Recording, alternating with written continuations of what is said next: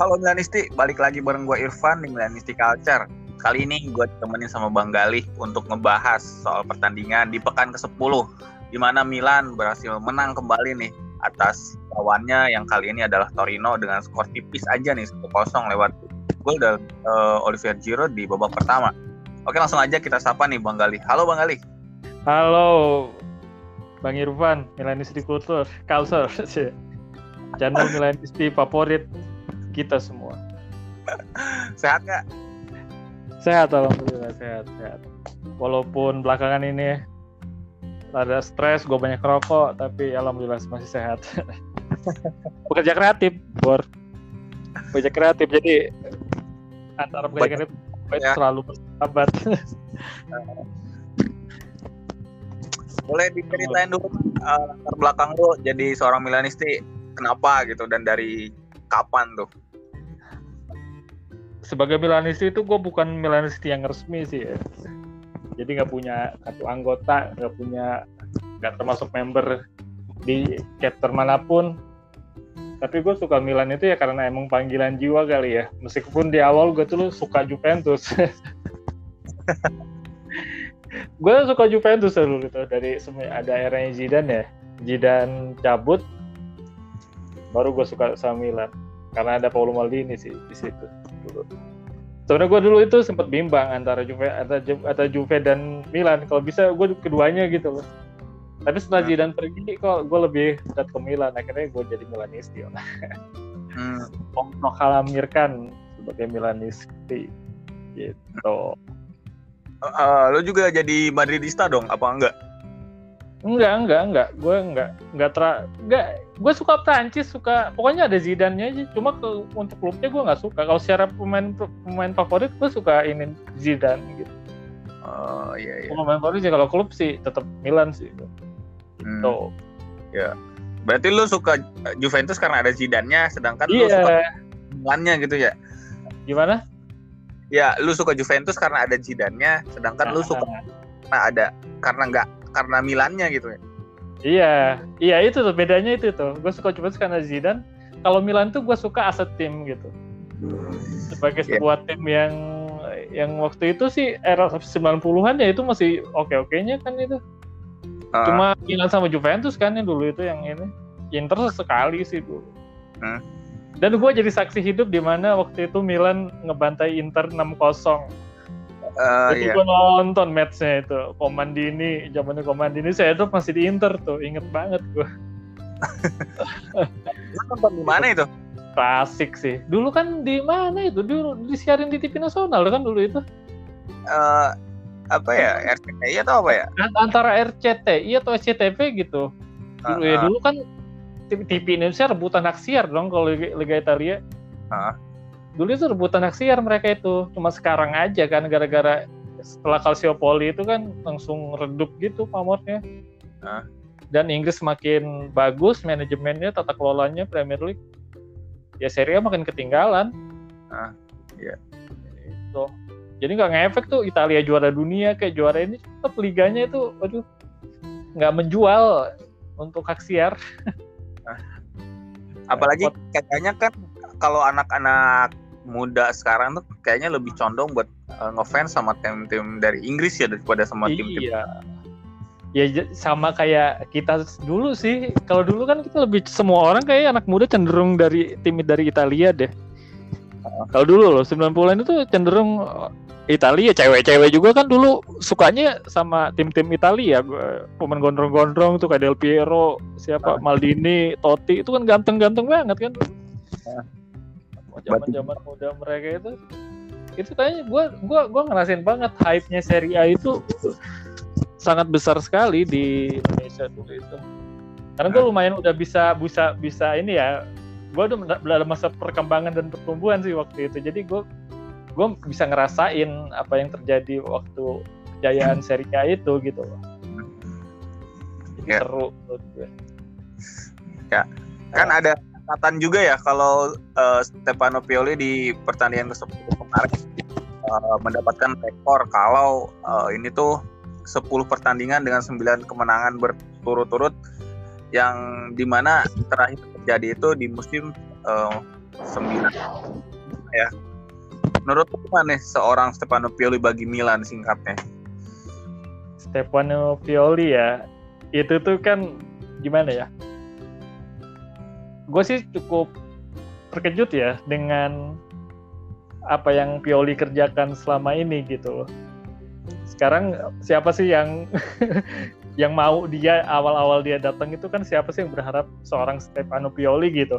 Karena kan uh. kayaknya kebanyakan Milanis itu beranggap apa ngarepnya si siapa itu pelatihnya RB Leipzig itu siapa? Ragnik uh. ya, Ragnik nah. Nah, kayaknya kebanyakan kan itu.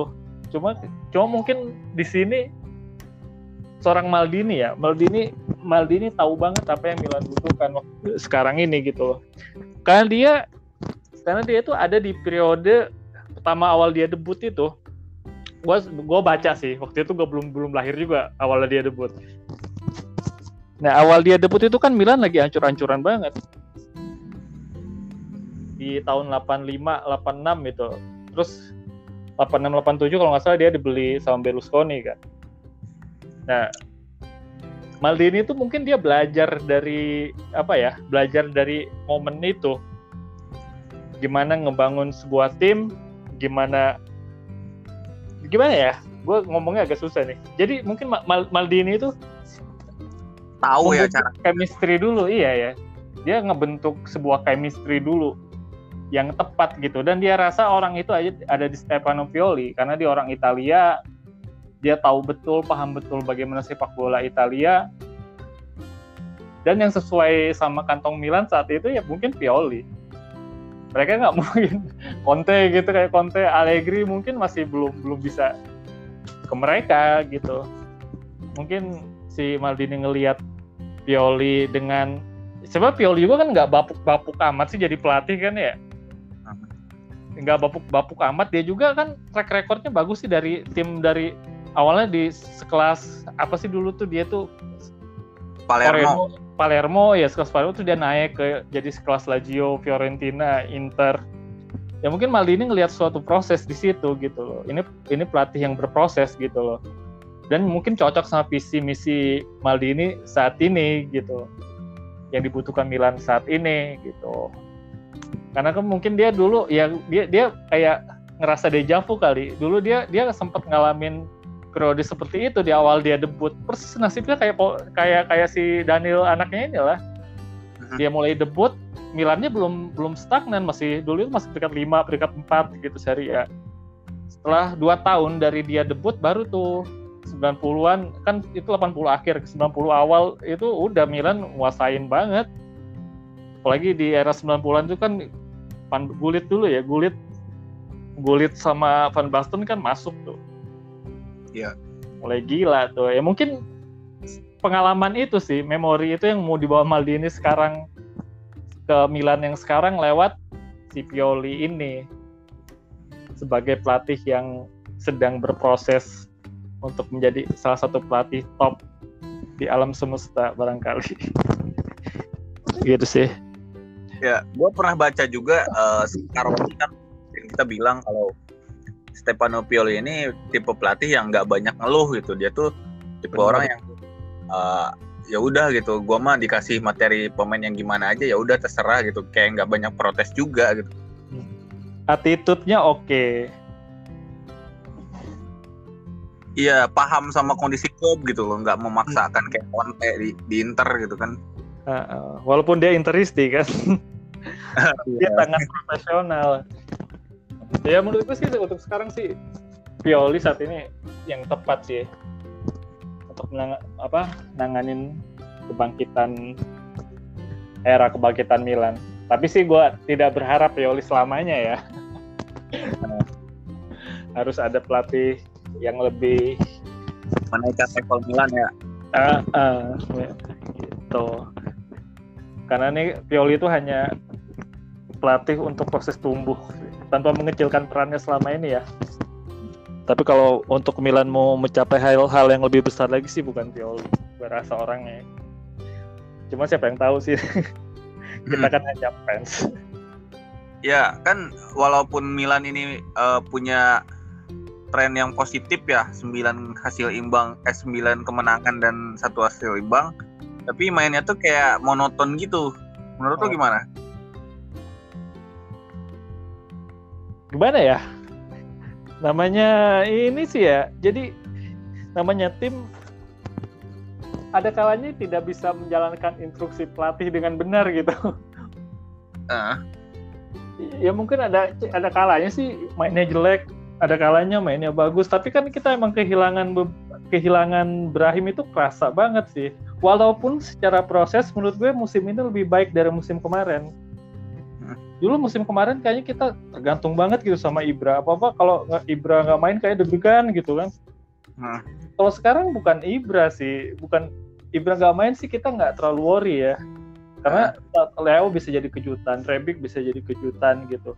Nah tapi untuk seorang mencari seorang playmaker kayak Brahim itu tuh yang tiba-tiba mencuat itu musim ini kan. Dan hmm jadi nyawa permainan itu jadi nyawa permainan dan ketika si Ibrahim absen segalanya itu jadi cenderung berubah total gitu loh. Kayak Milan itu harus meraba permainannya lagi loh. Kayak mereka meraba apa ya mencoba saling memahami lagi satu sama lain gitu. Kayak kayak 11 orang yang baru main pertama kali gitu loh. Hmm. ada kalanya mereka tiba-tiba seperti itu gitu loh ya mungkin ini bagian dari proses itu ya sembilan menurut gue kayaknya harusnya itu 10 kemenangan karena kalau si Kalulu itu masuk waktu itu lawan Juve itu kan dia tinggal lawan sama Keper sih ya. Nah. Berapa sama Keper ketepis itu kan harusnya bisa 2-1 kan itu tapi ya udahlah.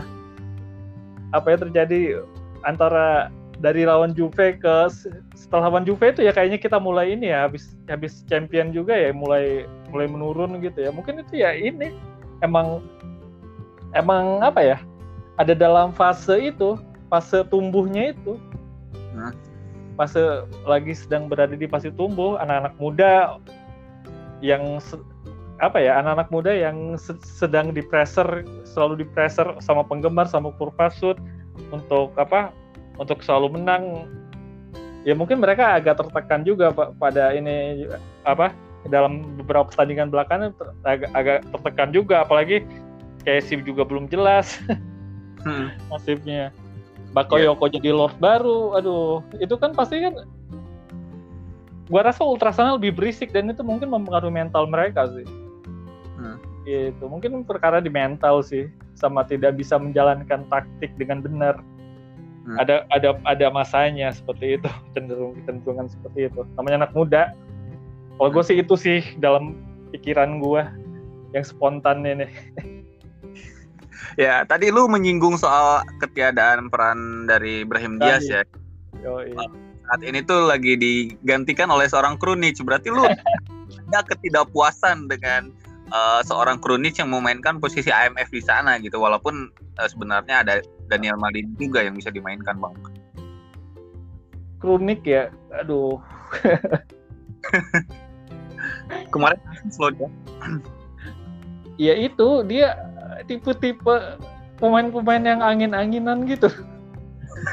Tipe-tipe apa ya? Iya, dia tuh Kurunik kayak hanya seorang Kurunik gitu loh. Dia bukan pemain yang spesial gitu ya. Kalau dia main bagus ya, ya apa ya? ya kalau main bagus, ya alhamdulillah gitu. Kalau main namanya main biasa aja atau tidak terang, ya mungkin itu emang sekelasnya dia gitu loh. Uh. Jadi ya, gue nggak pernah ekspektasi lebih sih sama si Kurunik malah gue ekspektasinya kalau si Ibrahim nggak main itu nggak Tonali sih Tonali udah mulai oke okay banget perkembang perkembangannya kelihatan timbang Kronik atau Samu gitu loh Tonali dan Ibrahim sih kalau gue sekarang ini yang gue jagoin gitu loh. Yang bakal bawa Milan ke puncak gitu. Kalau kayak nah bingungnya itu kan kita tidak punya hal yang sepadan gitu kualitas yang sepadan antara pemain utama sama cadangannya kan. Iya. Sebenarnya Liverpool juga gitu Liverpool juga gitu. Liverpool itu pemain utamanya bagus-bagus tapi pemain cadangannya nggak bisa selevel sama mereka cuma gapnya nggak terlalu jauh. Nah kalau Milan ini kayaknya jauh banget gitu loh. Hmm. jauh banget. Bakayoko nggak bisa ngimbangin Tonali atau Benacer itu nggak bisa. Kronik sama Brahim. Lumayan jauh. Yang hmm. yang sepadan sih menurut gue cuma itu Ibra sama Jiro doang. Hmm. sama back sih. Tapi cap si Romanoli itu udah udah bisa mulai mulai inilah udah mulai menem, dalam proses menemukan perform terbaiknya lagi sih. Hmm. Gue yakin dia bisa berkembang lebih jauh. Kalau Kronik mah gue hanya menganggap dia pemain biasa saja yang tidak terlalu spesial sih. Itu. Berarti lu lu nggak terlalu puas ya dengan uh, posisi Iya, iya. Gue biasa aja sih, biasa aja karena gue nggak pernah nggak nggak ya sekali lagi gue nggak kayak nggak nggak peduli gitu sama dia gitu loh. Yang penting kayak si siapa si Tonali kemarin itu untuk match terakhir kemarin itu gue berapa si Tonali on fire tapi nggak taunya dia juga bingung. Iya. Yeah. pada akhirnya dia bingung. Kalau kronik sih dia mau main ya monggo nggak main yang nggak apa-apa. Karena karena nggak ada lagi gitu loh. Ini keputusasaan gue sebagai Milanista ya ketika Brahim Brahim cedera dan tidak ada pengganti yang sepadan di pos yang penting dalam skema Pioli itu itu ya udah gitu mau gimana lagi? Gitu loh. jadi untuk itu gue berharapnya malah ke si Tonali dan Casey atau ke Calabria gitu loh yang bakal buat kejutan gitu. Gitu Berarti lu lebih kayak berharap untuk posisi lain yang yang bisa membuat Iya. Bener. Kak Ibrahim nggak main di posisi IMF-nya gitu kan. Mm -hmm.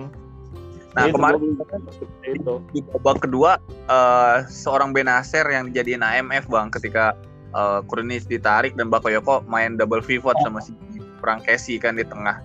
Soalnya kan uh, kemarin waktu lawan uh, Bologna itu si Benasir itu kan jadi kayak MVP ya dia uh, bikin hmm. bikin, bikin uh, gol sama asis yang kemarin. itu iya. Dan banyak Milan yang berpikir katanya ini Benasir bagus nih jadi IMF kayak gitu. Kemarin dicoba tuh sama Pioli dan hasilnya tuh nihil gitu kayak iya, biasa aja. IMF tapi uh, uh, mungkin faktor Torino juga yang rapet sih. Kemarin Torino mainnya secara bertahan mereka bagus tapi secara menyerang mereka sama aja jeblok. Gitu sih tapi mungkin kalau kalau lawan lawannya nggak fokus nggak kayak parkir bus juga sih. Iya nggak sih Torino itu kemarin? Lumayan semua pemain Milan apa yang lini serangnya itu ditempel 2 sampai tiga orang gitu. Pobega gila-gilaan coba.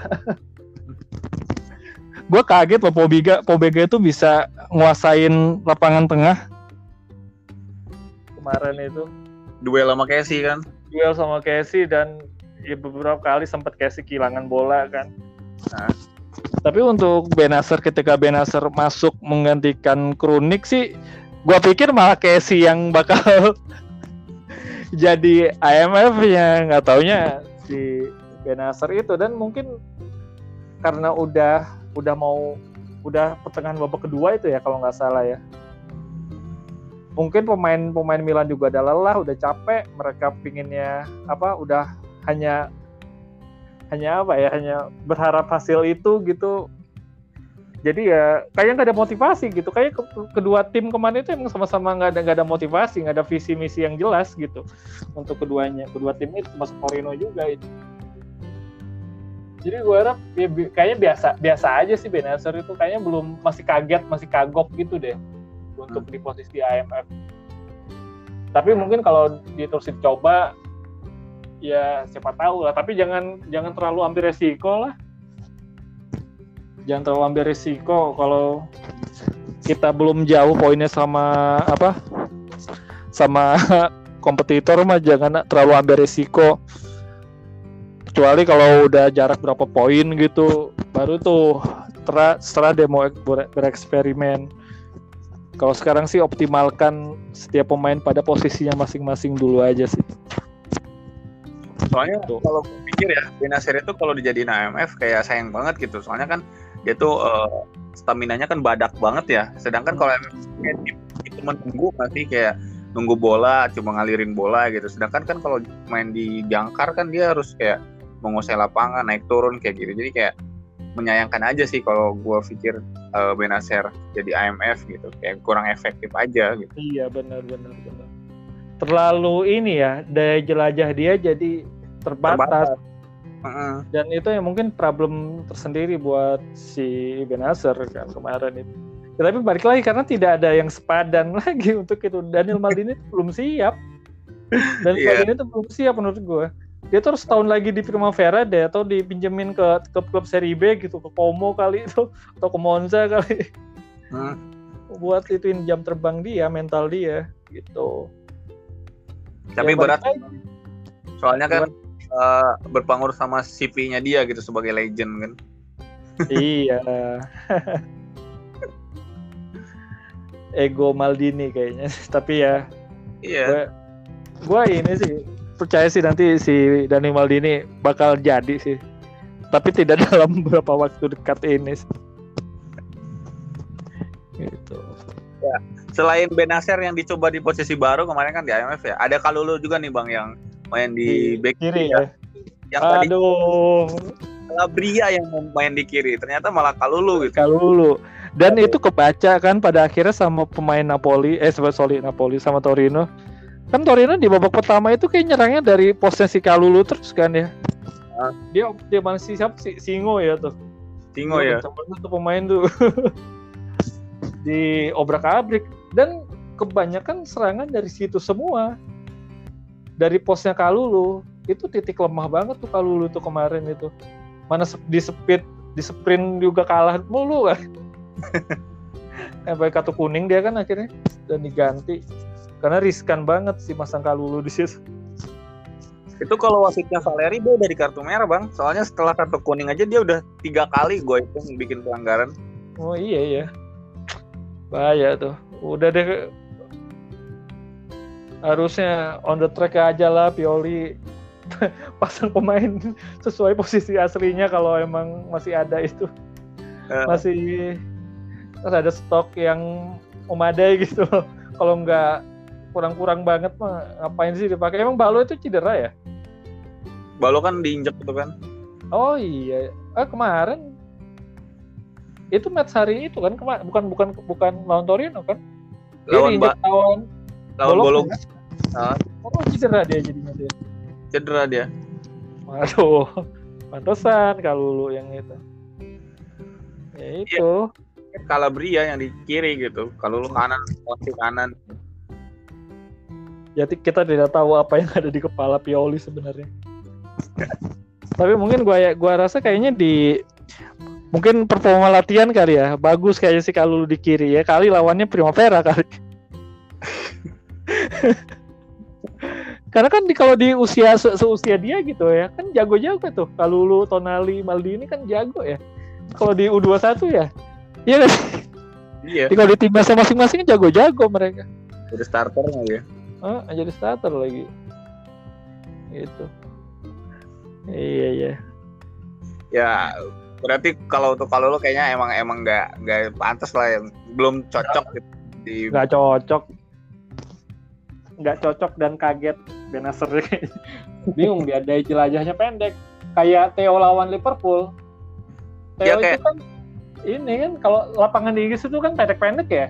Lebih ah. kecil dari lapangan Italia ya. Si Theo kan kalau lari bingung ya? Bingung dia harusnya kan bisa lah udah sampai ujung aja. Perasaan di Italia nggak sesempit ini lapangan ya kasusnya kayak Tomori yang lawan Juve tuh dijadiin bek kanan kan kayak kayak bingung juga kan iya, iya. bingung bingung emang Pioli ini emang apa ya kayak seneng banget gitu nyoba pemain-pemain di posisi baru gitu. Dan di di momen-momen yang krusial gitu loh. Uh, iya kayak Bukan kayak dulu di mana kita unggul jauh gitu sama lawan gitu, di mana kita unggul di klasmen, di mana kita unggul di match gitu. Kalau misalnya kita unggul jauh sama lawan atau di sama di klasmen sih nggak apa-apa sih menurut gue. Karena dia suka-suka dia mau nyoba-nyoba ini masih pas-pasan sama ini lawannya. Iya, dan dan uh, skuad yang pas-pasan ini membuat kemarin kayak pemain si Leo dan Salemakers itu nggak bisa diganti bang karena ya opsinya nggak ada di lini. Pada ya, Leo jelek jelek banget ya. Iya. Leo juga jelek banget, Leo juga sama. Yang Menurut akhirnya jadi... sindrom gak sih mereka itu? Lagi sindrom star ya sih? Karena kan beberapa waktu lalu mereka dipuji-puji gitu. Uh, dikit sih ya kayaknya. Kayaknya sih ya. Tapi si Leo itu kalau main main kayak kayak dia lagi mainan ya, kayak dia seneng ketawa nyengir nyengir mulu emang gitu kali ya. Iya gak sih? Kayak anak kecil main bola gitu, seneng banget ya. Iya yang yang kemarin tuh waktu serangan balik kan Calabria bikin apa uh, umpan kunci sama dia terus sama Leo malah ditendang asal ngasal iya iya ke langit gitu. Terus dia ketawa doang anjir kayak. Iya kayak dia cuma merasa ini cuma cuma apa ya kayak laga persahabatan gitu. Iya. Kayak charity gitu. Ketawa ketawa dia itu. Tapi mungkin itu karakternya kali ya. The next Ronaldinho lah bisa lah ya. Yeah. Selengean banget sih. Ya, untungnya kita punya seorang Giro dia yang kayak jadi uh, pembeda lah. Emang emang kalau di laga-laga sulit kayak gitu, akhirnya uh, kualitas individu yang menentukan gitu bang ya. Iya dan Udah. mental sih. Butuh banget tuh mental tuh. Padahal sempet ya, uh, eh, gue gua uh, dengar di podcastnya DPI itu yang ada Justin Justinnya itu katanya Giroud ke Milan itu ya cuma cuma sesampahan doang bilangnya gitu kan. Ya, padahal ya akhirnya dia juga bisa membuktikan kan dengan empat golnya walaupun semua golnya diciptakan di laga kandang gitu. Hmm. Iya dia belum menyetak gol di tandang ya. Belum. Ya Giroud sih menarik sih menurut gue jadi ya ketika 2010 ya 2000 eh Prancis juara tahun berapa sih lupa gue 18 18 ya uh. Ketika pelatih Prancis lebih memilih Giroud daripada Benzema di di luar konflik sama Valbuena ya uh, iya. gue rasa si siapa sih pelatih Prancis itu dulu mantan pelatih Juve tuh siapa sih lupa gue namanya Didier. eh Deschamps ya ya Deschamps tahu tahu benar tahu benar bagaimana memaksimalkan seorang Giroud gitu loh. Ketika dia bisa tidak bisa jadi goal getter, dia jadi tembok gitu. Uh, yeah. nah, dan di Milan mungkin Pioli Pioli niatnya melakukan hal yang serupa gitu. Pioli melakukan serupa tapi hasilnya beda. Uh itu tapi menurut gue sih kan itu kan sekarang keputusan transfer itu kayak di Maldini gitu kan ya Maldini sama Sarah kalau nggak salah ya nggak sih iya benar hmm. ya mungkin Maldini Maldini butuh suksesor si Ibra sih dan itu ada di Giro itu nanti setelah ibu kayaknya Ibra kan tahun depan pensiun kali apa mau main lagi? Gila aja kalau dia masih mau main. Gak tahu itu terserah dia deh. Iya ya mungkin selain selain kualitas yang menurut gue sih masih bisa sih belum sisa-sisaan tuh si Giroud itu. Hmm. masih bisa dibuktikan lagi masih 34 tahun dan masih muda lah. Kalau Milan kalau Milan Lab masih kayak zaman dulu sih itu bisa nyampe 38 Giroud main di Milan sekarang kan problem terbesarnya Milan Lab kan udah beda nggak nggak kayak zaman Sedov Nesta itu makanya mereka masih umur 35 tahun itu masih masih main masih kuat mereka Gak kayak sekarang dikit-dikit cedera Iya. Tapi untuk Giroud sih gue selalu ngasih apresiasi lebih. Ini salah satu pemain yang gue suka sih sebenarnya walaupun dia nggak bisa lari, hmm.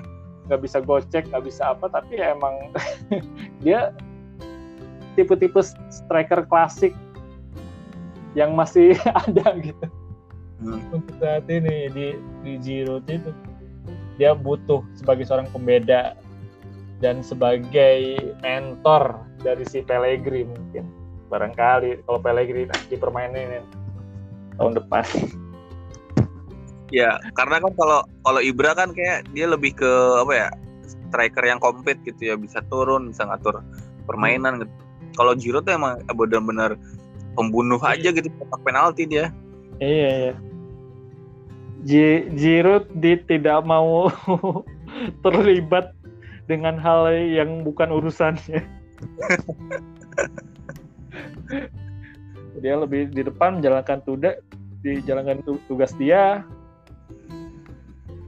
dan boom, kutukan nomor 9 nggak berlaku buat dia.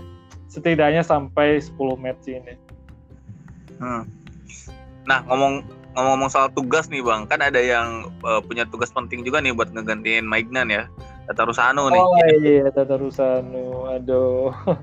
Kemarin tuh ada perselisihan dengan Simon Kier dan Ibra juga kan, kayak gregetan sama si Rusano. Menurut lo di dua momen itu gimana bang pendapatnya? Dua momen yang mana? Yang di match Torino kemarin lawan Iya. Torino.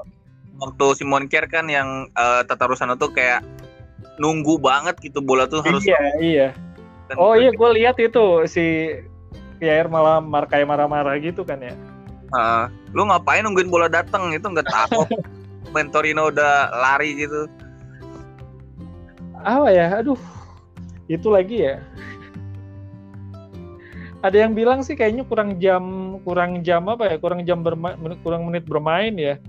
Ah. Tapi menurut gue ya balik lagi ya sebatas itu kualitasnya seorang Tata Rusano gitu loh. Apa sih yang kita harap dari seorang kiper ex Lyon dan Fiorentina?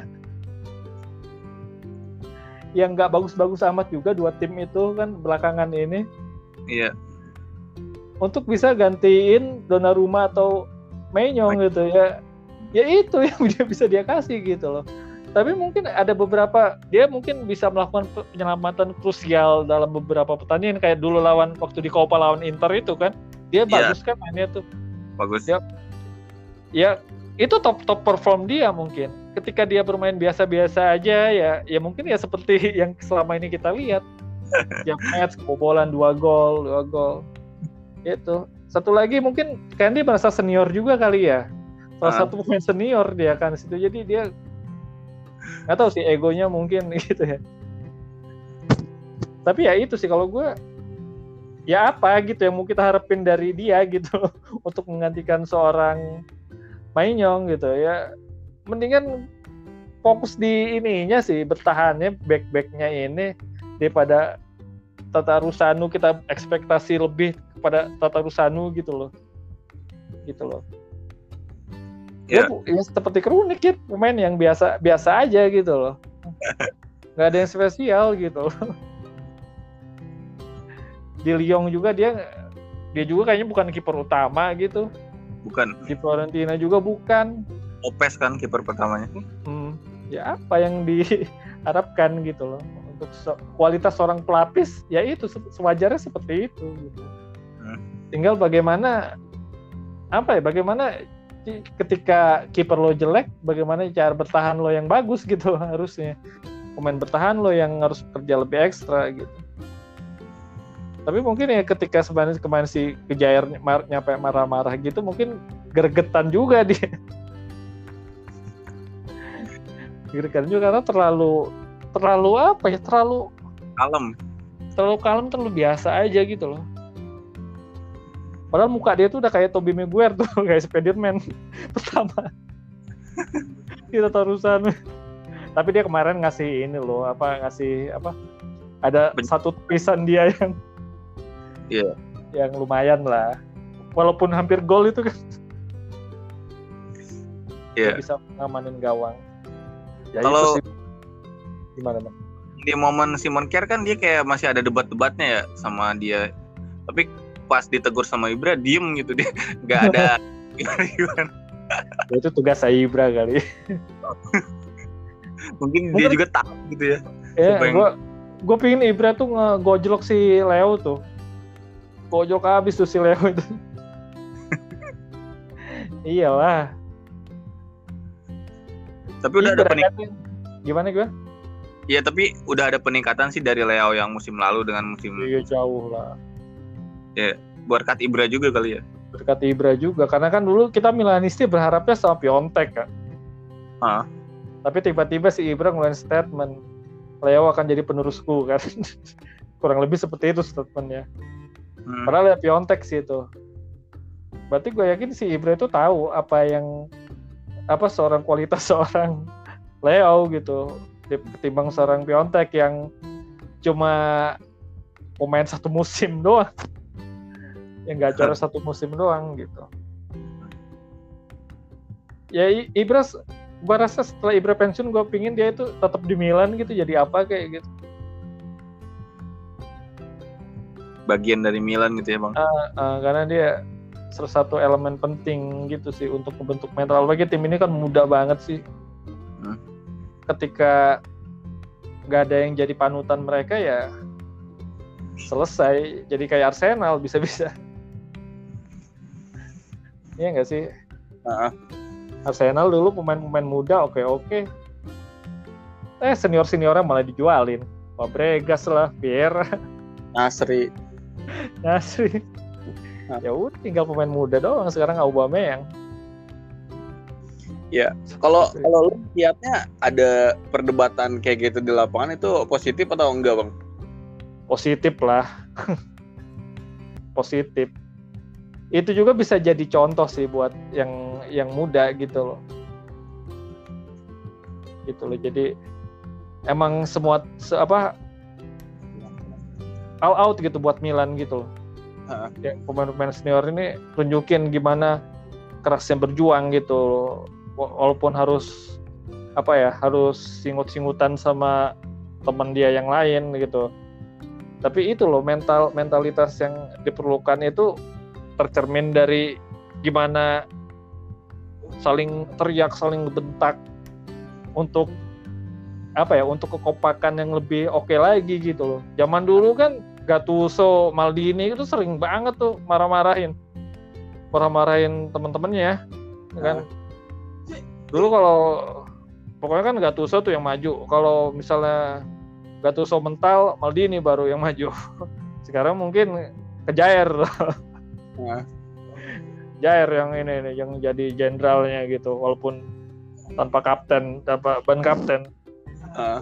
ketika itu mental Ibra tinggal yang maju yang mungkin pola-pola mentalitas seperti itu sih yang diterapkan saat ini gitu loh gue yakin Maldini nggak main-main lah bisa apa ya datengin Ibra sama Jair itu ada ada hal khusus yang emang dia pingin dari dua pemain itu selain mainannya gitu loh. Ya, gue bagus sih buat ini. Buat apa ya? Buat mentalitas pemain mudanya gitu loh. Di mana kita harus emang garang gitu di lapangan gitu loh ada rasa tanggung jawab gitu bang ya iya tanggung jawabnya yang besar gitu nunjukin dedikasi kecintaan sama Milan gitu ya karena kan uh, kayak udah lama banget kita kita nggak nonton para pemain Milan tuh emang bermain tuh seperti ini gitu kayak ngotot hmm. hmm, hmm. kayak apa yang dibilang Pioli ya kalau uh, kita tuh sama fans itu kayak punya emosi yang sama untuk memenangkan pertandingan, uh, per pertandingan gitu kayak emang ada ada tanggung jawab lebih di situ kayak kita tuh main untuk fans gitu untuk membuat mereka tuh bahagia gitu iya ya pada akhirnya kan perasaan itu kan yang hilang setelah 2011 kita juara itu kan uh. setelah 2011 ke tahun kemarin kan itu hilang banget sih bilang kayak nggak punya identitas gitu loh uh pemainnya ngotot-ngototnya cenderung kasar dan merugikan tim. Model-model Balotelli, De Jong, apa, aduh. Kacau semua. Kuco kan? Itu, hmm, Kuco ya. Jura Cikucka. Nah, sekarang mungkin itulah yang tadi di awal gua bilang. Uh. Baldini mungkin ingin menciptakan dejavunya ketika dia masih anak muda apa mulai debut di Milan di zaman-zaman susah, zaman-zaman terpuruk. Ketika sekarang terjadi lagi gitu kan ketika mau periode kebangkitan itu Maldini ada di situ dan dia tahu banget cara menangani ini gitu loh. Karena dia belajar dari senior senior yang waktu itu ada Baresi ada siapa lagi Ancelotti di situ ada Gali kipernya. Hmm. ya itu. Maldini Maldini sedang apa ya dia bekerja dari dalam gitu untuk membangun mental membangun kekompakan gitu dan membangun rasa kecintaan sama Milan itu yang itu. Makanya kalau lo rewel-rewel naik gaji minta naik gaji naik gaji nggak suka sama itu ya udah pergi aja lo gitu. Betul. ya itu sih yang mau dibangun sama Maldini mungkin saat ini ya itu. Chemistry antara pemain dan Milan gitu mentalitas Milan bagaimana menjadi seorang Milan gitu. Hmm. sekali Milan mengalir di darahmu dia tidak akan keluar kata Rui Costa gitu gak sih? Ah, betul. ya tahu banget gue. Era-era itu maklum. Di posisi Serie A 90-an ini. Udah senior. Gila, gua dramatis dramatisnya enggak gue tuh dulu momen dramatis banget itu. Banyak ba- banyak banget di seri A 90-an itu 90 ke 2000-an itu ya. Banyak yang pindah ke rival. Itu Inter itu apa ya fansnya seneng banget bisa dapat Hakan gitu. Mereka lupa kita pernah dapat Sedop dan Fieri dari mereka gitu Iya. Fieri loh. Fieri Fieri itu ikon mereka loh. Bisa Pintu. pindah ke Milan. Dulu itu kan itu kan kurang dramatis apa gitu seri A zaman dulu itu loh. Ah, Milan Juve Inter Roma Parma Lazio Fiorentina gila semuanya ini aduh sekarang ini sayang banget sih ya semoga bangkit lah seri A lah jangan terlalu lama terpuruk dan harus di belajar tuh sama Inggris cara tata kelola liganya. Ya. Eh, kemarin juga kan kayak emang lawan Torino itu poin penting ya bang, tiga poin penting. Apalagi eh, di pekan ini tuh kayak semua rival itu lawannya tuh emang kayak di Hmm. atas kertas mereka kalahkan gitu. Tapi yang jadi keuntungan itu eh, buat kita karena kayak Atalanta kan eh, Gasperini absen kan di kartu merah terus eh, Mourinho-nya absen juga kartu merah terus Inter juga di kartu merah kan Inzaghi-nya gitu dan Iya, iya. siapa? Spalletti kan Napoli di eh, kartu merah juga gitu kan Wow. jadi mendampingi timnya gitu kan di pekan ini nih. Nah menurut lo itu bisa mengurangi eh, kekuatan tim mereka nggak sih ketika si pelatihnya ini nggak menemani mereka di ruang ganti dan di pinggir lapangan bang? Tergantung sih. Kalau menurut gua kalau Inzaghi sih kayaknya Inter tetap sama aja sih karena Inzaghi itu bukan sebuah gua ngeliat Inzaghi ya Simone Inzaghi itu bukan seorang karakter yang kuat gitu di dalam lapangan gitu di apa sorry di ruang ganti gitu. Hmm. ya kalau mungkin kalau Inter sih emang karena kualitas pemainnya bang bagus sih. Gue yakin Inter sih bisa menang sih untuk kan ini. Nah kalau untuk Napoli juga sama sih mungkin. Ah, lewat lah. Lawan apa sih Napoli? Roma ya? Eh enggak ya? Eh. Napoli siapa ya? Ntar gua cek deh. Seri A ya. Oke kita lihat. Sampdoria Atalanta Udinese Verona Juventus Sassuolo. Yang deket-deket kita siapa sih? Cagliari Roma Empoli Inter. Lazio Fiorentina. Napoli Bologna. Oh yang kemarin ya? Yang ini kan? Iya. Tapi Yang kan kalau Bologna juga kan? bisa ngalahin Lazio 3-0 sebetulnya. Gimana gimana? Bologna? Iya ngalahin Oh, Lazio. Iya. ya tapi kalau ini sih menurut gua masih Napoli sih masih ya? Napoli trennya masih bagus masih oh, udah kompak juga mereka. Ah. eh, apa Inter lawan Empoli itu. Empoli walaupun pernah menang lawan Juventus sih kayaknya harusnya Inter nggak goblok sih. Inter nggak goblok harusnya kalau sampai kalah goblok banget. Juventus Sassuolo Eh, oke lah. Juventus lah. Bisa disikat semua nih sama rival harusnya ya. Harusnya Inter kalau nggak kalau goblok amat tuh lawan Empoli kalah? Harusnya sih. Karena kan pelatih itu apa ya? Walaupun pelatih itu kan asisten juga ada masih ada di itu di pinggir lapangan. Ya kan cuma ngedirect kayak jalan apa? Ngedirect dari mana aja bisa. Ah. Tapi yang penting asistennya kan harus standby dan harus memahami apa yang dimau dimau head coach. Mungkin nggak ada masalah lah. Pasti mereka semua kayaknya bisa lah. Makanya itu kalau kemarin nyampe seri aja, aduh, makin bulian makin kenceng. Iya. beli pop mie lah, beli pop mie. Sialan. Bang, eh, kira-kira lawan Roma besok ya kan kita sebelum lawan Porto lawan Roma dulu ya. Nah, menurut lo kira-kira eh, untuk di posisi kiper deh yang emang kayak jadi sorotan banget, masih Tata Rusano atau eh, nyoba Mirante bang? Aduh. Tapi gue juga sebenarnya nggak yakin juga sih sama Mirante sih. Mirante tuh sering kebantai juga kan sama Roma dia. Iya nggak Iya. sih? Ah.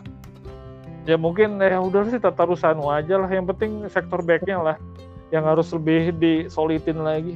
Where ya? Eh, iya, tapi tetap Tata lah. Jangan coba-coba dulu lah. Apalagi Roma tim dia selama beberapa tahun kan. Ya konyol aja sih kalau Mirante yang dipasang. tapi di luar itu sih Ada tanah gitu ya. iya. Itu. Soalnya ada celetukan juga katanya ngapain dikontrak kalau nggak dimainkan katanya gitu. Ya Mirante kan backup juga kan itu niatnya bukan buat dijadiin penggantinya Mainyo kan emang coba backup juga dia. Jadi nggak Iya. rugi juga juga gratis kan dia. Dia gratis.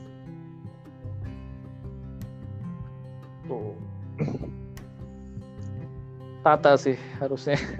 Ya, kita harus eh, masih mempercayakan Tata ya untuk tahun depan juga lawan. Ya yang penting itu sih antara Kejaya dan Tomori atau Romagnoli Tomori atau Romoli apa Romagnoli Jair itu harus Ah. harus apa ya, Lebih safe. harus lebih solid lah lebih susah ditembus dan kiri jangan nyampe kalulu udah aman awan. karena si Roma juga sih nggak mungkin nyerangnya nggak nggak sebrutal Juve atau Inter Mourinho Pasti nunggu ya serangan balik. Nunggu, serang narik pemain Milan ke depan ketika udah di depan Roma eh, counter attack kayak gitu aja Mourinho dari dulu Iya. Kayak udah basi ya gitu. udah basi udah udah habis eranya tapi Ya. mainnya itu berapa lama sih dia lama amat kayaknya Eh, tahun depan baru bisa main. astaga ya ya ya ya ya Sisa pertandingan UCL masih sama eh, Tata. nih. aduh berat berat berat udahlah nggak fokus Serie A dulu lah Eh, betul. realistisnya sih itu Liverpool juga gitu kan dulu di awal-awal klub Iya. Kan dibantai Madrid juga kan 3-0. iya. Ya itu ya semoga lah apa yang terjadi sama Maldini terjadi juga dulu terjadi juga sama Milan yang sekarang gitu. Milan era, era Maldini awal sama Daniel Maldini awal ini. Iya, semoga sama ceritanya gitu. Loh ya amin. karena kan dulu dulu itu lebih hancur bang lebih hancur-hancuran itu. Harus bangkrut kalau nggak si Berlusconi. Datang nyelamatin.